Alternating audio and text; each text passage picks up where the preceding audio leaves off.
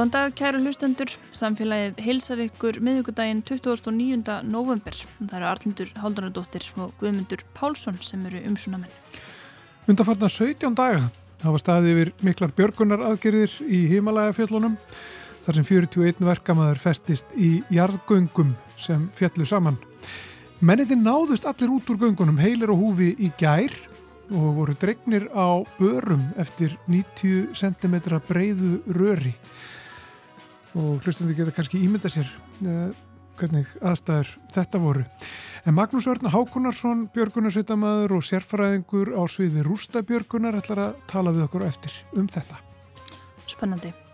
Ólíkt því sem gerist annar staðar á Norðurlöndum eru litlar sem engar kröfur gerðar um góða ljósvist í íslenskum byggingum. Jú, samkvæmt byggingareglugerð þurfa að vera glukkar en það er ekkert því til fyrirstöðu að byggja bara annað hús beint fyrir utan þá. Þessu vil vinnuhópur sem að hefur unniða tillugum til breytinga og byggingareglugerðinni breyta. Við ræðum lýsingu og ljósvist við Ástu Lóðadóttur, verkfræðing og lýsingar sérfræðing hjá Lótu en hún á sæti þessum vinnuhópi og kynnti tilöðunar í dag. Við hefum svo eina málfarsmínútu og endur flytjum vísinda spjall við ettu Olgudóttur frá því fyrr á árunnu. En byrjum á ljósi.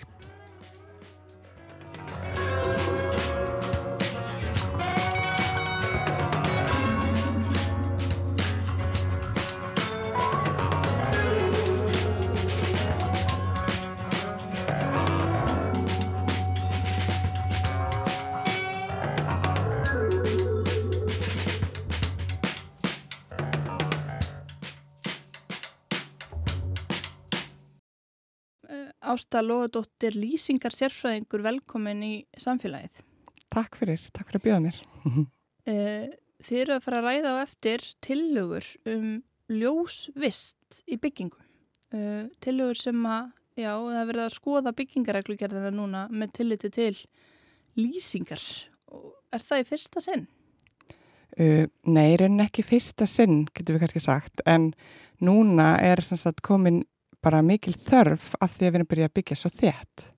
Hérna áður fyrir þá var nóg að hafa svona einfaldar þumabuttareglur og, og svo var bara passað upp á að vera nekt rýma millir bygginga og ekki mjög háar þannig að það væri góð byrtuskilirð inn í íbúðunum okkar og byggingunum almennt. En núna erum við komin í þéttingu byggðar og þá kallar það svolítið á að við þurfum að fara að hugsa hlutin upp á nýtt til þess að við getum þétt á góðan hátt líka fengið góða dagspyrtu inn í byggingarnar okkar. Já. Hefur það ekki tekist nú vel til þegar það hefur nú verið svolítið umræðinni það hafa verið gaggarnisrættir á eh, einhverju uppbyggingu þar sem að er talað um að, að þetta sé að verða svona hálgir það skugga borgir. Hefur okkur mistekist að tryggja gott dagsljós inn í, inn í vistarverur, nýjar vistarverur fólks? Já, við erum alltaf ekki með einn reglugjör sem að, að byður okkur um að taka neitt til þess eins og er við erum með ákveðið við þurfum að hafa gler til staðar. En, en ef þú byggir bara næstu byggingu, hái byggingu bara beintur utan þetta gler, þá kemst ekkert ljós þar inn sko. Þannig að, að við höfum í rauninni ekki haft þessa um, reglugjör sem passar upp á. Þannig að, að nei, rauninni ekki ekkert að segja okkur að mistekist af því að við vorum aldrei neitt að reyna. Einmitt, og gler, þegar þú segir gler þá ertu bara að meina glukka eða? Já Þannig að það, má, það þurfa að vera svona ákveði stóri glukkar en svo má vera hvað sem er fyrir utan þá sem er rauninni eðilegur tilgangin með glukkanum. Já, þá ertu bara koma með útsýni á það sem er fyrir utan, hvað sem það svo sem er. Já, það geti þá bara verið einhver stiftur vekkur. Getur verið það, eins og hlutinir er í dag, já. Mm. Þannig að það er kannski svolítið brínt að, að bæta úr þessu þannig að það verði ekki byggt bara, já, eitthvað svona mjög ó hendut eða óþægilegt húsnæði núna í þessari þéttingarherferð? Já, algjörlega og það er, það er í rauninni, veist, ef við horfum á Norðurlöndin henni hérna kringum okkur, þá eru við alveg langt fyrir aftan þau, öllsumil sko. Við erum búin að vera að skoða sérstaklega Noreg, Danmörk og Svíþjóð. Danmörk og, Sví og Noreg eru til til að með, já, til til að háar kröfur, Svíþjóður eru með um, mun læri og svo er Danmörk búin að, að vera að aðlaga sína því það var svolítið kannski metnarfullar til að byrja með. Þannig og metnarfullar fyrir, fyrir raunveruleikan. Já, fyrir, þú veist, borgarumhverfi, sko, mm þannig að það er æðislegt að vilja gera frábæra aðstæður, en, en svo ef maður þarf að taka til í fleiri þáttu en bara dagsljós, þá, hérna, um, þá skiptir þetta líka máli. Þannig að þetta er bara svona í ágætis farvegi þá í nákvæmlandum okkar. Það er verið að hugsa fyrir því að, dagsljósi ratin í hýpili fólks, er það verið að hugsa líka um að glugga sér fleiri en eina átt eða eitthvað þess aftar? Um, já, það er settar kröfur á að komast ljós inn í rýmin. Um, um, það er ekki sérstaklega að tekið fram á að, að það er að koma úr mismunandi áttum og svo les e, í nágrannlöndunum okkar. En, en, til, en það sem þau hafa það er að, að, að það tryggir það að komi ljós inn um klukkana. Og ljósvist, sko, þetta snýra á dagsljós en þetta snýr líka fleiri þáttum. Al, algjörlega, já. Já. Getur þú aðeins útskilt bara þetta fyrirbæri, hvað, hvað þetta er, ljósvist? Já, um, nú er þetta orð til til að nýtt fyrir mörgum um, en það passar mjög vel inn í, í eins og inni vist sem er þá allir inni umhverjastættirnir og svo erum við með hljóðvist sem að þetta bara passar einstaklega vel við. Um, þannig að áður var þetta eitthvað sem við kölluðum bara lýsingarhönnun og heitir lighting design í, í, uh, á ennsku til dæmis um, en, en, en orðið uh, ljósvist sem við erum að nota í dag og er að koma í þessum tillögum núna í byggingarreglgerð, heil kapli sem heitir e, ljósvist. Þar í rauninni er tekið á um, raflýsingu og það er þá í atvinnuhúsnaði og, og svona sameilum svæðum í, í fjölbílishúsum. Um, en það farða að ráða sjálfur hvernig þú hefur lýsinguna heima hjá þér, raflýsinguna þar að segja. um, svo erum við með ljósmengun Það komi til dæmis á, svona ábendingar e, sem var tekið tillit til í sem vinnuhóp sem að e, bjóð til þessa tillögu.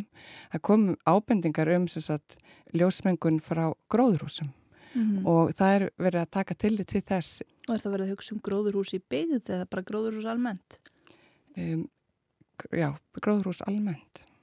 Það er verið að vinna út frá því að, að, að takmarka ljósmengun því hugsaður líka verið sumabústæðinum og, og sitt í pottinum og alltaf fara að njóta uh, norðljósana eða stjarnana og það er bara uh, ljósmengunin, þú ser bara eitthvað svona gulan bjarma og nærði ekki að sjá heiminin sko.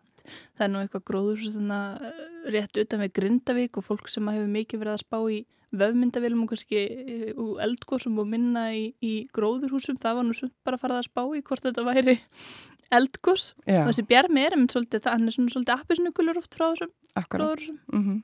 og þið sagt, voruð að vinna þessar tillögur og þú ert að fara að kynna þær núna í hádeginu getur þú kannski bara aðeins svona hlaupið yfir hvað þessar tillögur fela í sér? Uh, já, eh, sko í rauninni nú vonu ég að segja, segja, segja ekkert sem ég mikið segja hérna, en ég bara læt vaða samt sem mhm. aður um, hérna, það sem að það sem að kannski við getum sagt að sé heitasta kartublan hérna það er þessi dagsljós ákvæði því þau komið til með að hafa áhrif á það hvernig við erum byggið í dag. Um, og það er það sem að hefur í rauninni dreyið svolítið þessa vinnu okkar sem að átti bara að taka örfa á mánuði en, en er búið að taka núna eitt og halvt ár. Já, það er það einhverju hagsmunir undir. Eru þið að fara fram á það að það sé byggt eh, aðeins dreifðara? Eða þú veist að þéttingin megi ekki vera svona mikil? Um, þetta mun setja bara það er hömlur á að það þurfi að taka tillit í dagsljósins.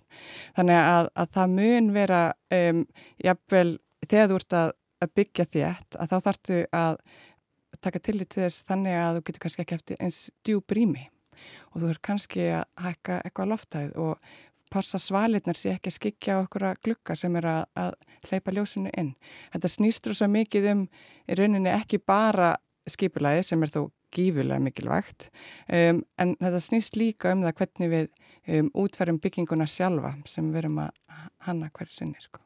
Já, þegar við erum að hugsa um þetta þá er þarna undir sko bara áhrif ljós er það ekki bara á lífverður og það svona hversu mikil áhrif ljós talar um ljósastýringu ljósastýrir okkur bara svolítið mikið og hefur áhrif á, á líðan og, og bara ímsa líffræðilega lífsklukkuna, dagsklukkuna hérna, allt þetta, er það ekki? Jú, nákvæmlega, það er hérna algjörlega, það er hérna, þetta hefur virkilega mikil áhrif á hilsu eins og það segir og þá dægursöflunar okkur og við finnum það kannski núna sérstaklega á þessum tíma árs hérna á Íslandi þar sem við höfum þetta svolítið að skortnum skamti og það eru margir sem finna fyrir því um, hvað var að dagspyrtuna og þá er þá hægt að nýta raflýsingu til þess að hjálpa sér við það á þessum ástíma en um að gera að nýta dagspyrtuna þegar hún er til staðar af því það er rétta lýsingin fyrir okkur. Það er það sem við þurfum til þess að vera vakandi og, og, hérna, og við held að dæga sögum. Svo aftur á sumrin þá þurfum við aftur að fara að draga fyrir kvöldin sko, til þess að, að ná að sopna líka. Já, fá ekki of mikið að því góða. Já, af því við erum búin á svona landi sem er bara svona, með svona sveiflu sko. Já, og svona innilýsing, raflýsing, hún er ekki nóg í rauninni. Getur hún ekki haft mismunandi áhrif á okkur líka? Algjörlega, við getum... Sumir bara þrýfast ekki í svona flögtandi flúorljósum. Já, flögt er eitthvað sem þarf um þetta að passa upp á sig ekki til staðar hérna, um, en jú, það, og svo sannarlega þurfum við að spá í að, að, hérna, að til þess að vekja okkur þá þarfum við eins og heiminin um, bara fá mikið ljós að ofan og um, þeim kaldara sem ljósið er eins og, og dagspyrtan um, því betra er það til þess að vekja okkur og halda okkur aktífum um, en svo aftur á móta kvöldin þá þurfum við að takmarka ljósið og hafa það eins kósi og við getum og takmarka það sé að fara inn um augun okkar til þess að, að ná að, að komast í kvílu. Þannig að það er, er koma út leiðbynningar í fyrra sem að segja til um svona magn ljósins um, og þá er til dæmis sem tekið fram þar er að þið ert með svona lítið ljósa kvöldi til þá ætti að hafa alveg þrjá tíma fyrir hátatíma sko. þú veist þar sem þú ert búin að dempa niður því þetta kerfi er svolítið hægvirkara heldur en, um, heldur en önnur sjónrann kerfi sem við erum með þannig að, að, hérna, að þá um, þá er rauninni bara þurfum við að hafa þetta svolítið kósi alveg heila þrjá klukkustundir og svo getum við farið auðvitað að sofa og sofa í algjörum myrkri, það er alveg líkilatrið. Já og sko nú er, ég þú sagði ráðana að fólk ræður sjálft lýsingunni heima hjá sér og nú hefur sko með þessari lettvæðingu margir komið með bara fjärstyringu og getur, fólk getur valið þá meðsmunandi liti og svo eru, er fólk með dimmer á ljósunum og það er svona kannski margt sem hefur breyst þegar kemur að, að lýsingu í, í heimahúsum á, á síðustu árum. Er þetta af hennu góða og hvað svona sér þið fyrir þér svona í framtíðinni eða þú veist í náinni framtíð Já, þetta er, þetta er bæði gott og slæmt, ef við segja þannig. Af því að þegar, ef við kunnum ekki nota þetta, þá getum við líka eðalegt fyrir okkur. Þannig að við getum svo sannlega vakið okkur að kvöldi til með öllum þessum, þessum stýringum sem eru komnar á markaðin. Og, og þar að leiðandi þá er bara erfiðar að fara að sofa þegar við leggjumst upp í rúm. En það er, að mörguleiti eru oft til eitthvað svona, svona uh, aðlagar senur eins og það. Kallaða þá eru þau búin að stilla þannig að það komi kannski kaldara og meira ljósa mótnana og svo dempast það niður þannig fyrir kvöldið og kemur kannski svona hlíleg og, og dempuð byrta þá. Um, en þá er skiptið líka máli fyrir okkur sem notundur að vita hvar við ætlum að staðsita ljósið. Og, og það er um þetta að, að það er gott að fá mikið ljós innum augun á daginn og matnana sérstaklega. En það er ekki gott að kvöldin. Þannig að þú veist það er betra að nota bara eitthvað borðlampa, eitthvað kósi svona að kvöldi til um, en aftur á móti að bara skella öll í gang á matni til sko og yfir dagi uh, einhver ráð svona til vinnustada er, er, er hérna ljósvistin og vinnustöðum á Íslandi góð? Mm, sum eru með góða. Um, en alltaf oft erum við með þetta e, e, e, bara innbyggða svona 60-60 60 panela, það er svona inn í innfældsloft um, kemur rosalega svona uh, monotón uh, lýsing af því, það er bara svona flatt umhverfi, þú ert ekki að gera umhverfi neitt spennandi fyrir notendurnar þar, það er svona basic það sem maður sér hér á Íslandi í dag. Hinnir sem er að gera vel, þú veist, það er æðislegt. En, en það sem er hægt að gera þú veist, það þarf svo lítið til, það bara poppa upp og, og velja sér eitthvað þú veist, stundum eitthvað aðeins annað. Það er alveg fínt að hafa þessa 60-60 sumstaðar, bara einfalt og þægilegt og, og til til að ódýrt sumar sem þessar dýrar eru þá kannski vandaðri og, og hægt að, og það er þátt að segja að það kemur þá, það er betri minni glýja, það er það sem að töðunar á okkur. Um, Glýja, er það eitthvað svona það er það eins og Jæðarsjónin eða, eða hvað það er þú veist eins og keirir á móti sólinni eins og núna, hún er svo látt á lofti já, og fáið við glíi eitthvað sem maður fer beint í augun sem trubla mann já, já. já.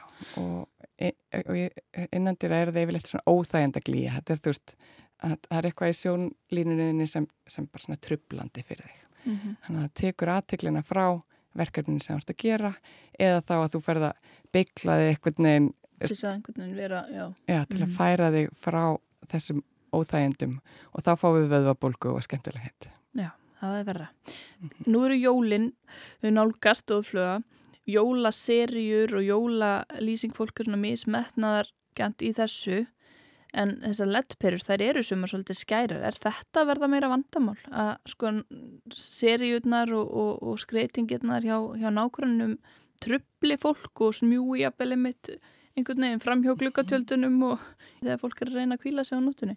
Ú, já, þetta er eitthvað, hérna, auðvitað vart með átt nákvæmlega sem er mjög svona skreitingaglaður. Já, ég held að, ég held en þá hérna, þá held ég það sé bara eins og annað við að það bara tala saman og spyrja hvort að setja slökkva yfir hérna ákvæmt háttatíman eða eitthvað, þú veist, það hérna vonandi hægt að eitthvað svo góð samtölu um það, sko.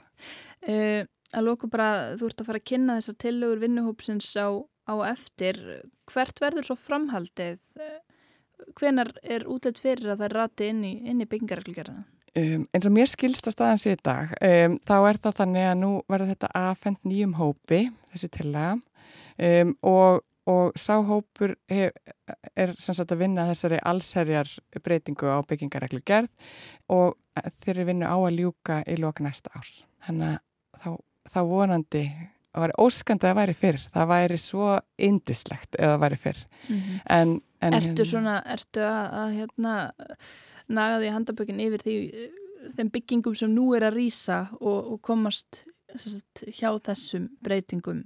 Það sem að kannski leikvellinir eru bara í, í skugga og eins og maður hefur síðan dæmum Já, sko um, eins og eins og til dæmis í hérna, Reykjavíkborg, þar eru farin allavega að skoða dvalasvæðin, það er svo rosalega gott sko. þau eru farin að fylgja þessu eftir með þessa 5 klukkutíma fyrsta mæ á að vera sólaljós í helminga dvalasvæði.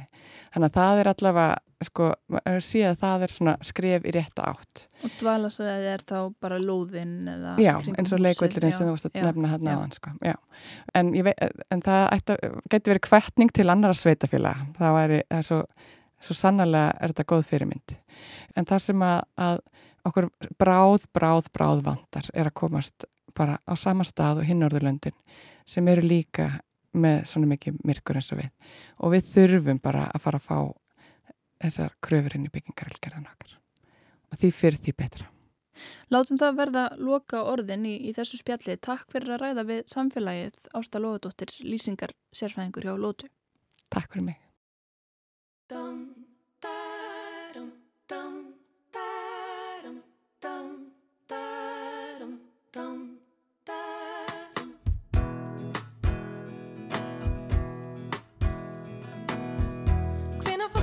Síðast í hláturskast Hvaða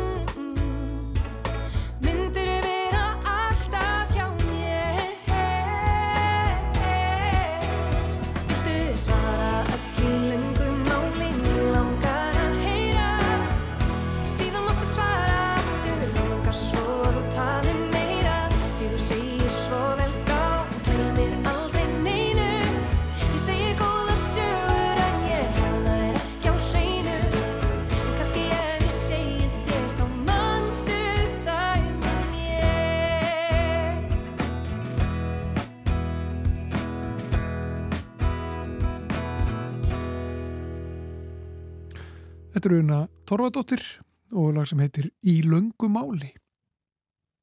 Það er gleðifregnir bárust í gær að uh, tekist hefða bjarga 41 verkamanni úr göngum sem fjallu saman í Himalaya fjöllunum og mennirnir höfðu setið fastir í 17 daga í þessum göngum og ljósta að þarna var unnið mikið björgunar afreg. Við erum komin í samband við Magnús Örn Hákonarsson, hann er björgunsveitamaður og, og sérfræðingur á sviði rústabjörgunar. Er sæl Magnús? Já, sæl. Þú fylgist með þessu, þessari björgun og um, þetta tók langan tíma þegar voru þarna 17 daga þessir menn. Þetta hafi verið mjög erfiðar aðstæður þetta. Já, sérstaklega, sérstaklega fyrir þessa menn þarna. En, en hérna, já, það má bara stuðum á því, já. Já, það sem gerist þarna er að þetta eru göng sem er verið að vinna í þarna í himalægafjöldunum í Indlandi og það, það verður þarna einhvers konar, uh, já það falla bara saman þessi göng. Já, uh, þetta eru er verið göng þarna sem, sem falla, falla saman, já. Já, og mennir eru fastir hann inni. Uh. Hvað er það fyrsta sem að, að björgunaræðalar þurfa að huga að þegar að, að svona aðstæðar kom upp? Það er, sko, það er að reyna ná sambandi við, við þá sem eru þarna inni og það gerist þarna strax. Þeir, þeir, það er vitað að þeir eru lifandi og, og það er svona, þá, þá er þetta bara spurningin um hérna, að staðsetja þá. Er svona, þetta er svona fyrsta, hvað er, hvar, hvar menn eru og, og hérna og reyna átt að sjá því hvað hægt er að gera hvað næstu skrif geta þá verið uh, og átt að sjá því hversu já, hvaða leiðir fær. Þá voru farnar þarna sem að gera sko, þetta er bara samfærlegt öllum svona vennilegum björgunar aðgerðum þegar við erum að reynda að nálgast fólk svona, það er við vitum ekki hvaða leiðir fær eða hvaða leiðir best. Og þá reyna, reyna menn alla leiðir. Það var það var reynd að fara þarna sem sagt á móti mótimönnunum það sem átt eftir að grafa í göngunum það var farið upp á fjallið og reynd að bóra niður og það var líka farið reynd að fara í gegnum sem sagt hérna það sem hafi hrunið. Og það var í, það svo leið sem, sem á endanum dögði best, það var borað, borað þar í gegn. Uh, já, þeir voru með stóran bor þar sem þeir boruðu. Og svo þrættuði rör inn í, inn í þessi göng. Bara svona stál, stálpípu. Já og, og, og fyrsta, hérna, fyr, það fyrsta sem að, gera þarna var það, er það ekki að þau komu mjóra röri í gegn? Jú, þetta er sem sagt voru, það voru þarna sem sagt, það sem eiginlega e, gerir þetta einfaldara er að það er rör þarna sem nær inn til þeirra. Sem sagt bara samskipta loft uh, rör sem er, er hérna var fyrir sem, hafi, sem skemmtist ekki þegar göngin fjallir saman. Og, og það var hægt að nota það. Þar gáttu við dælt inn lofti og, og komið skilabóðum og, og svona alls konar sett inn, dælt inn mat sendt mat og vatn. Þannig að það í rauninni uh, já, það, það einfaldar lífið svo rosalega mikið, þú ert ekki með einhverju óvissu og, og hérna þetta er eh, svona, ef við horfum á aðrar aðgerðir svona, uh, eins og til dæmis með björgununa á námaverkamönnunum í, í hérna síle hérna fyrir nokkur árum að, að þar vissu menn ekkert í rauninni fyrir en það tókst að bóra niður til þeirra. Og, og það er alltaf rosalega erfitt af því að, að sérstaklega í svona stó, þegar gungur stór eða flókin þá er þetta að hitta á réttan gang eða rétt, rétt hólf má segja. En, en þarna var þetta svona einfaldara. Eh, það var vita hvar þeir voru það var vita hvar sagt hvaða leið eða hvar hvar í göngunum þeir voru. Þetta voru ekkert margar hæðir eða mörg lög eða mörg göng. Þannig að þetta var einfalt þannig þó svo ekkert við þetta verkefni sé einfalt. Mm -hmm.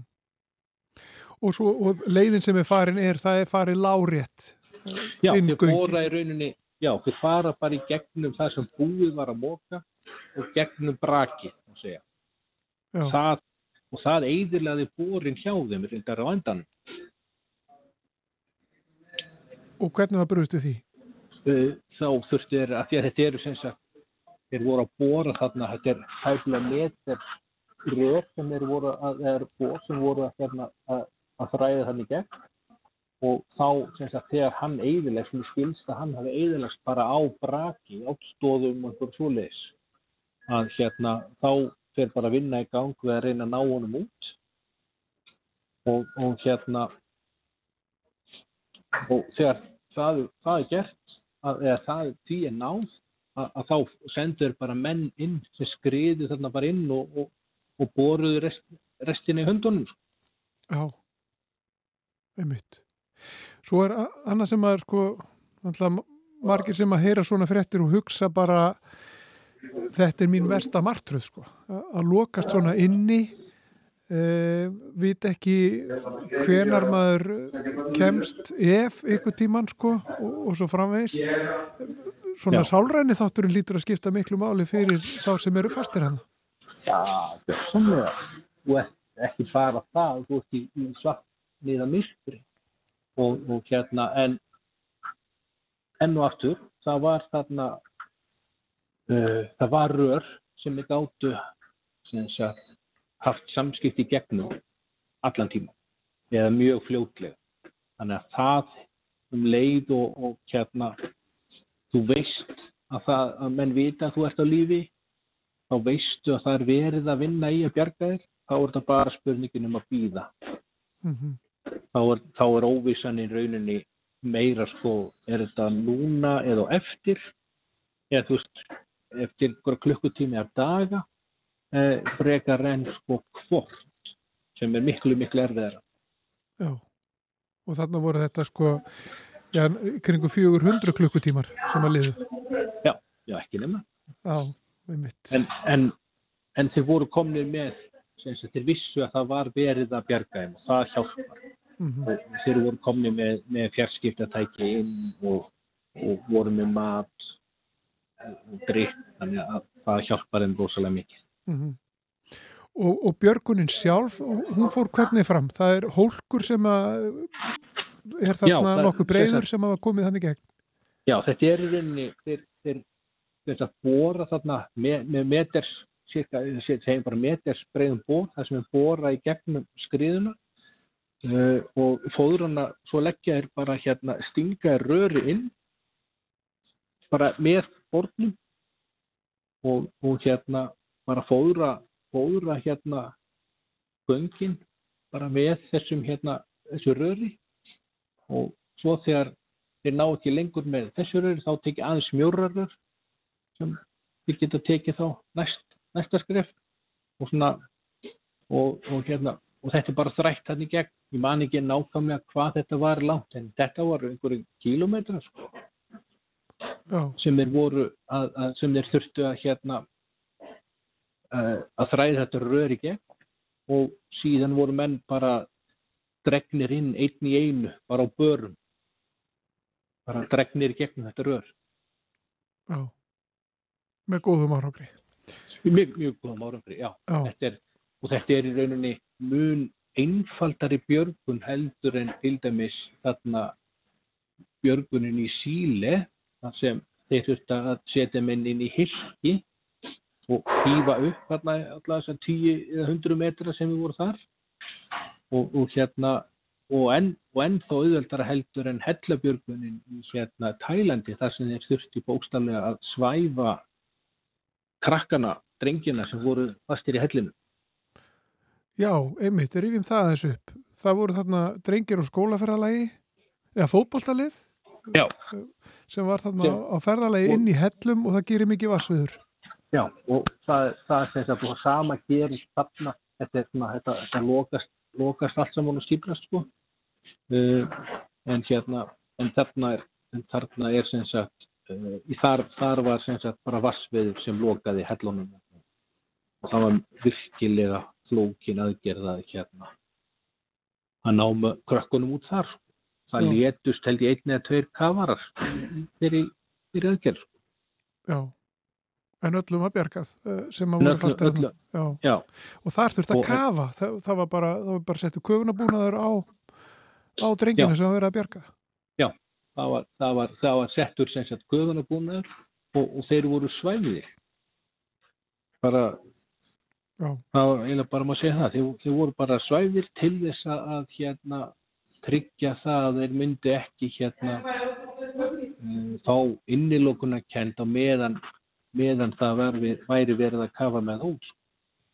Því ef þeir, ef þeir myndu hérna uh, koma að segja að fá svona æðiskast, hræðslukast Mm að, að þá, þá ógnar það lífi kafaras svo mikið.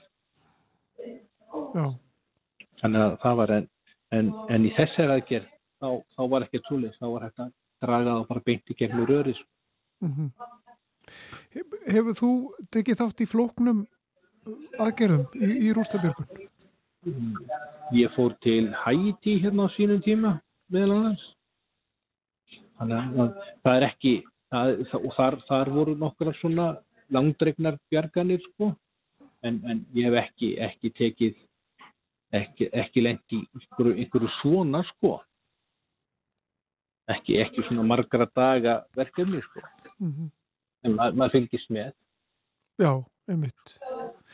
Uh, eru þetta, eru þetta mikil svona, ég hvað maður segir, eru mikil fræði veginn á, á bakvið þetta? Er mikil þjálfun sem að, já þú til dæmis sem að ert í sérhæfið þig í rústabjörgun, er, er mikil þjálfun sem leikur hann að baki til dæmis? Já, þetta eru, það er sem er, er, þetta, er endalust sko, uh, hvað maður að segja, þetta er svona ákveðin nörd, nördaháttur sko sem maður þarf að hafa til þess að hérna komast inn í þetta sko, þetta er, þetta er svona, þetta, þetta er því mér ekki kent sem námsbröðn einstar, þetta er bara eitthvað sem menn þurfa að koma sér upp smám saman. Uh, þetta tekur tíma en, en aðalatrið er en þetta, þetta kemur inn á bara almenn björgunar störf að hérna, annars vegar er þetta bara tæknilegs eðlis, hvernig menn er að vinna og, og, og svo hugsunum um skipulagið að, að hérna að vinna hratt en án þess að hérna fara sér að voða það er, er, svolítið mikið til líkið til Já. Og svo er líka að vera reyðubúin þegar að, að kalli kemur. Já, og, og, og svona vera tilbúin að hugsa út fyrir bóksið, það er svolítið að því að það er ekki til neitt sem, það er ekki til neitt, neitt svona ein leið sem virkar í öll, það sem, að því að það sem virkar þarna, það er ekki hægt að nota það annars staðar, sko, en, en hugsunin er, það er sama grund og allar hugsunin alltaf, sko, en svo þurfum menn bara að finna leiðir til þess að komast fram hjá eða leysa þessi tæknilegu atrið Já. Og það getur verið, verið flókið og sambland af uh, það er eiginlega kosturinn við íslensku björgunarsveitinnar að við erum með mannskap sem hefur verið út á sjó, við erum með mannskap sem hefur verið á fjöllum, við erum með mannskap sem er í byggingariðnaði og, og, og allir þessir svona, yðnaðir að þættir hafa svona sína sérhæfingu og sér þætti og sér þekkingu en þetta er allt saman sko þegar þú hrærir þessu saman að þá færðu alveg sér þá má að segja, sér getur fengið sér sniðna laust fyrir hvert verkefni. Mm Og þú ert sjálfur hjúgrunarfræðingur. Já. Og öll reynsla, hún, hún kemur að gagni þannig. Absolut, það er, það er hérna, ég er, ég er hjúgrunarfræðingur en ég hef líka verið skálaverður á fjöllum ég hef verið sveit og ég hef verið, verið í að þetta er alls konar, þetta telur allt saman og allt saman hjálpast. Já, það er mitt. En við fögnum því að minnsta kosti að um, uh, þessi björgun, hún gekk vel. Það var hérna 41 maður sem, a, sem að bjargaðist. Já, Eh, og, og, og, og það dó enginn við að reyna að bjarga þið. Nei, Það er, einmitt. það, er, það er líka, sko, það er ekki sjálf, það er ekki sjálfgeði, sko. Nei. Þegar svona flókin og, og stóra aðgerð Já. er í gangi. Já. Við skulum ljúka þessu svona Magnús Örn Hákonarsson, Björgunsveitamæður og sérfræðingur á sviði Rústabjörgunar. Takk fyrir að tala við okkur í samfélaginu. Já, takk, takk.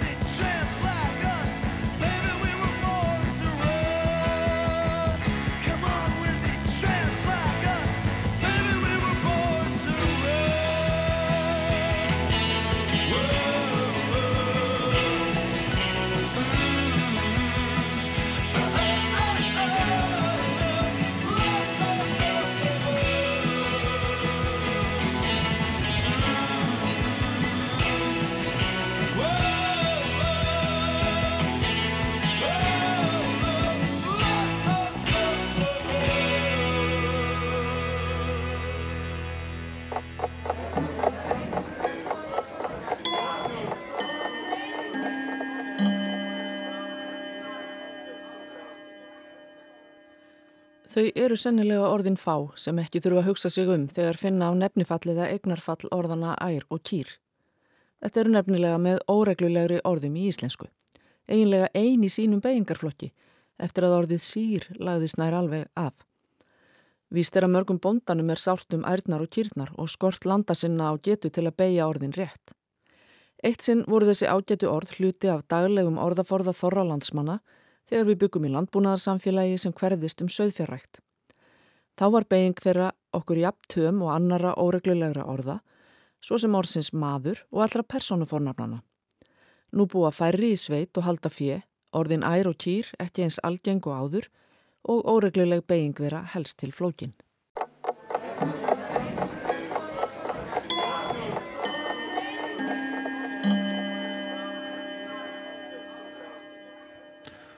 Það var annars yrjur þráinstóttir sem að uh, flutt okkur málfarsmínútu og þar áður heyrðu við í brús nokkrum Springsteen og læginu Born to Run. En næst er komið að uh, vísindarspjalli við ettu Olgudóttur og uh, þetta er endurflutt vísindarspjall frá því fyrra árunu og það er Þóruldur Ólafsdóttir okkar eina sanna sem tekur við. Þú ert að fara, uh, já, svolítið óvænta átt með uh, sendingu dagsins, skulum við segja. Já, ég er kannski svolítið vön að vera að skoða eitthvað sem er gerast svona inn í frumunum eða, eða eitthvað sem tengist sjúkdómum eða, eða dýraríkinu eitthvað slíkt og, hérna, og það má alveg tengja þetta svolítið við sko, þetta er ákveðin svona atferðlisrannsókn en yfirleitt þegar að, ég er að tala um eitthvað skonar atferðlisrannsóknir þá eru þær til staðar í, er það staðsettar í dýraríkinu en núna er ég að hugsa um mannaatferðli Já. og það er einmitt, já, ég er að fara í svolítið aðra átt heldur en venjulega og kannski pínu að tegja mig svona út fyrir það sem eru mitt hefðbundna svið. Eh, en það er sem sagt, ég ætlaði sem sagt að tala um rannsók sem var byrt í Scientific Reports núna bara uh, í síðasta mánuði, í aprilmánuði þar sem þau eru að skoða eila hérna hvað áhrif menning hefur á hegðun okkar. Og í þessu tilfelli þá er það að skoða vegna að, við erum með alls konar, það er náttúrulega menningarlegt fyrirbæri hvernig við útdeilum auðlindunum okkar og hvernig við byggjum upp samfélagið okkar. Og þá má meðal annars telja til eitthvað eins og skattlagning. Og hver er það sem greiðir fyrir innviði. Það er ákveð menningarlegt fyrirbæri. Og rannsóknir sem hafa verið gerðar á hérna þessu, hvernig fólk hagar sér í samanburði við það hvernig þeirra samfélagi byggt upp mm. það er sína að þar sem að ef við getum bara sagt, ef við getum bara sett þetta í svolítið pólitíst samhengi, þar sem að samfélagið er til hægri að þar hagar fólk sér frekar þannig að það heldur að sér því sem að það á og deilir síður með öðrum sem er í vanda. Þetta er svona einstaklingsheikjan og, og egna pælinginu. Einmitt og svo þegar þú ert að, hérna, að horfa á samfélag sem eru meira til vinstri að þar er fólk kannski meira viljugt til þess að deila því sem það á með þeim sem minna mega sín. Ja. Og það er svona það sem hefur kannski verið skoðað að þá eru við að horfa á þetta út frá eitthvað skonar peningalegu sjónamiði eða eitthvað sem að hefur hérna vægi í sem sagt, já, út frá efnahag, efnahagslegu tilliti, já, já. Þetta er bara kapitalismi þetta er nákvæmlega það. En þessi rannsókn, hún er frekar að skoða kannski ekki beint eitthvað svona út frá efnahag heldur meira bara hversu viljug eru við til að hjálpa og þá er eiginlega verið að horfa miklu frekar á eitthvað sem er miklu minna eins og til dæmis ertu til að kveikja ljósi fyrir mig? eða ertu til að rétta mynd nývin uh, getur þú hjálpa mér hérna yfir göttuna eða eitthvað þar sem að kemur ekki við þig efnahagslega en sínir samt hjálpsemi og góðmenn sko. Ég, ég meina sko hjálpsemi og greiðvikni og, og, og, og það að gefa andlega orku og tíma er, er það er ákveðið kapital þó Einmitt. að kannski þú setir það ekki inn á bankabót. Nei, nákvæmlega. Og þessi rannsókna hún er svona kannski að horfa meira á þessa þætti í því samhengi og þau eru í rauninu veru að aðtuga hefur það áhrif á þessa hjálpsemi hvers konar samfélagi við búum í? Það, hefur það áhrif hvort að við búum í samfélagi sem að hallast til hægri eða til vinstri, svona í pólitísku samhengi. Nú er þetta orðið mjög forveitinlegt. Og til þess að skoða þetta, þá eru þau nefnilega að framkvæma rannsókn á áttamismunandi stöðum í heiminum og þau skiptaði megilega upp í tvent og það hérna svolítið skemmtilegt að þau tala um sko, skamstöfun er sko tvöfaldvaf EERD sem er hægt að hérna, lesa sem weird eða skrítið já, já. og það sem er weird það stendur fyrir sko vestrænt, eh, háttmentunastig yðnvæðing um, og það er að segja þetta hversu rík við erum, það er að segja þetta sem að við búum við hérna á Íslandi. Og svo er það non-weird eða ekki skrítinríki og það eru þessi sem að búa kannski við læra mentunastig, þar sem er meiri fátækt og svo framvegis. Og þetta, þessi svæði sem þau eru með, þau eru semast með hérna, innfæta Ástrala, það er ekki, það er ekki hérna, vestrænt Ástralst ríki. Uh, Ghana, Ecuador og Laos og svo eru það að skoða Ítalíu, Breitland, Póland og Rústland og þau eru hérna með hérna, rannsóknar aðila sem að taka vídeo og fylgjast með samtals 350 einstaklingum, fylgjast með þeim og taka vídeo af þeim og eru í samskiptum við þau í hérna alls konar félagslegum aðstæðum, bæði heima hjá þeim eða í vinnunni eða út á götu. Og úr þessu verður, verða þúsund klukkustundir af af hérna vídjum sem þau horfa svo á og greina og skilgreina þá ákveðina hegðun sem er þessi greiðvirkni. Og það sem að þau komast að er að í 80% tilfella algjörlega óháð því hvar þessi, hérna, þessi vídeo eru tekin þá er fólk til í að hjálpa. Það er, einhver, það er ákveðin bara svona grunnhjálpsemi í manninum sem er algjörlega óháð því hvernig samfélagsgerðin er og í sko 10% tilfella að þá fá hérna, þá neytar fólk þeim um hjálp en þau útskýra hvers vegna þau geta það ekki. Þannig að þá í raun og veru telst það, þú veist, þar, þar eru við samt að mæla þessa greiðvirkni. Fólk vill samt hjálpa, það bara getur það ekki. Og svo er það þessi 10% augalega sem að, það sem að hérna, fólk neytar bara eða, eða hunsar hérna, beðnina og það er kannski svona í samræmi við kannski það sem maður upplifir sjálfur bara, Já. að það er hérna veist, það er 10% manns 10% fólks eru bara fíbl Já, já, ég held að og, og nenni ekki hjálpa. Vísitilega staðfest. Já, með einni rannsókn. En þetta er svona eiginlega í sko mótsögn við aðra rannsóknir sem að þau hafa verið að sína þar sem, að, hérna, þar sem þau sína fram á að það skiptir máli, hvers konar samfélagsgerð er til staðar, það hefur áhrif á það hvernig fólk lítur á eignir sínar og hversu viljútt það er til að deila þeim. En þá erum við náttúrulega alltaf að horfa á eitthvað sem að hefur verðgildi, en ekki eitthvað hérna, sem að hefur áhrif á tímanðinn eða hérna, hvernig þið líður. Og þetta eiginlega tala svolítið við það að hérna, það er í fer svona aðeins út í hérna, meira vísinda, raunvísinda aspektið á þessu að okkur líður betur þegar við erum hjálpsum og þegar við gerum fólki Já. greiða og það er ekki bara hérna, þú veist, það er ekki bara ímyndun heldur höfum við bara geta mælta að gleði hormónin og það sem að lætur okkur líða vel það hækkar þegar við hjálpum öðrum þannig að þetta er hérna Þetta er raunverulegt að við viljum koma einhvern veginn til móts við þá sem að minna megasín en við kannski getum ekki alltaf gert það út frá efnagslegum ástæðum. Sko þannig að ef, ef ég skildar rétt að þá er þetta einhver grunnþörf í manninu, þetta er mögulega bara fléttað við DNA í okkur að vera hjálpsum, mm -hmm. að gefa af okkur mm -hmm. og það hefur jákvæð efnaskipta áhrif á okkur þegar við gerum það. Já, sem í raun og veru hvetur okkur til þess að halda því áfram vegna þess að wow. það, við fáum ákveðin svona verðlaun bara hérna í líkamannum bara alveg eins og þegar við erum glöð eða þegar við hlæjum eða okkur finnst eitthvað fyndið þá fáum við ákveðin verðlaun í heilanum eða þegar við borðum eitthvað gott þá verðlaunar heilin okkur og það nákvæmlega sama gerist þegar við hjálpum einhverjum þá, hérna, þá fáum við þessi verðlaun sem að, að hvetja okkur til þess að gera þetta aftur og það, skipt, það gerist algjörlega óháð því hvernig samfélagi segir okkur að við um að hafa okkur vegna þess að við bara líffræðilega erum prógramu til þess að gera þetta. Þannig að þetta er svona góðar frétti dagsins. Mér finnst þetta bara algjörlega, mér finnst þetta frábært og sérstaklega þetta með að þetta sé þá ekki menningabundið af því að þetta er bara bundið við mennskuna okkar en síðan hefur kannski svona menningarlega áhrif og samfélagslega áhrif í raunin áhrif á það sko hvort að það er ítt undir að við gerum þetta og svo náttúrulega er náttúrulega auðafum heimsins mjög misskipt. Mm -hmm.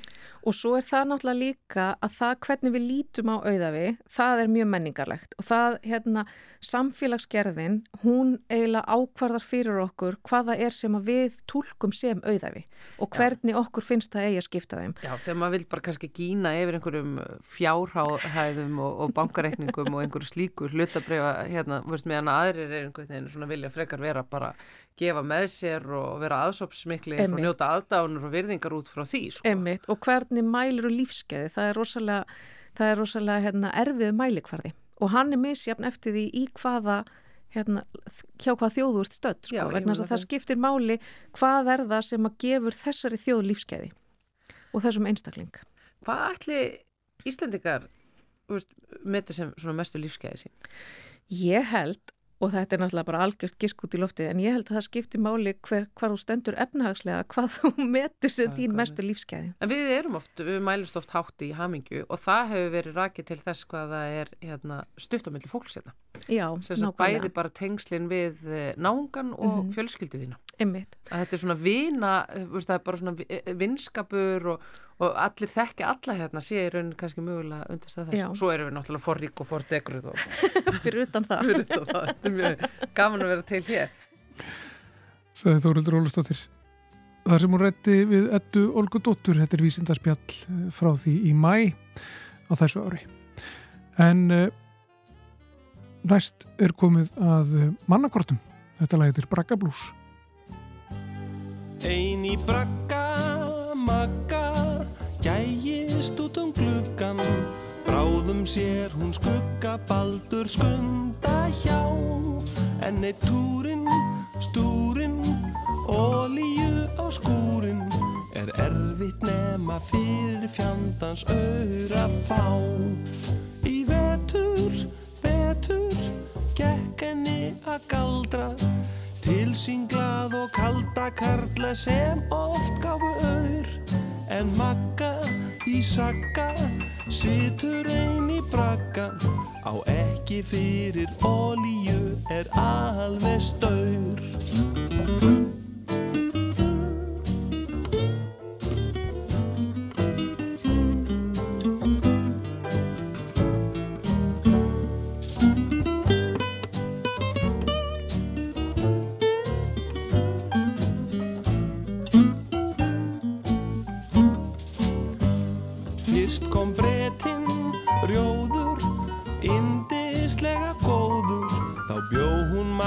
borginni í bleikum kjól. Svo kom kaninn, þaninn, kommunista baninn Þá kættist Magga ofsaleg og helt sín jól. Svo færðist aldur yfir eins og galdur Og ávalt verra og verra varði kall að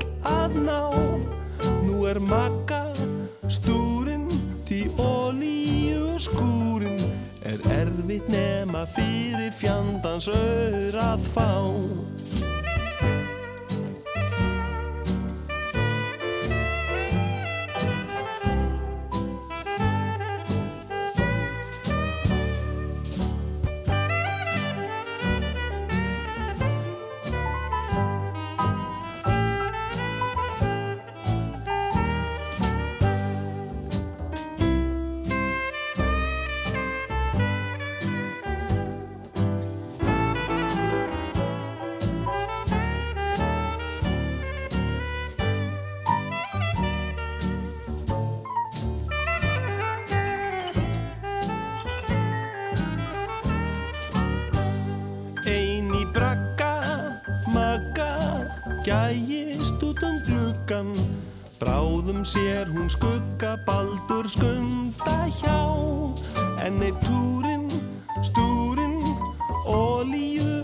skúrin er erfitt nema fyrir fjandans auður að fá. Í vetur, vetur gekk henni að galdra tilsinglað og kalda karla sem oft gáfu auður en makka í sagga en í bragga á ekki fyrir ólíu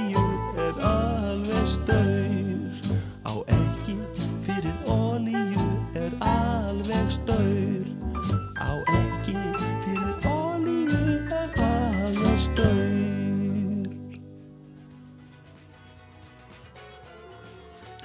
Það var Magnús Eiríksson sem átti þarna síðasta orðið og síðasta orðið í samfélaginu var staur þessi sinni. Já, það er ekkert verið en hvað annað. Nei, nei, nei, nei. En vonum reyndar að fólk sé ekki almennt alveg staur, það er Nei, slæmt. Stýttist í jólinn og svona. Stýttist í jólinn. Já, en við ætlum að fara að segja þetta gott uh, í samfélaginu í dag. Já, hvaðum hérna úr, úr stúdíu 6. Það verður minna aftur á morgun. Takk fyrir í dag. okkur. Verið sæl.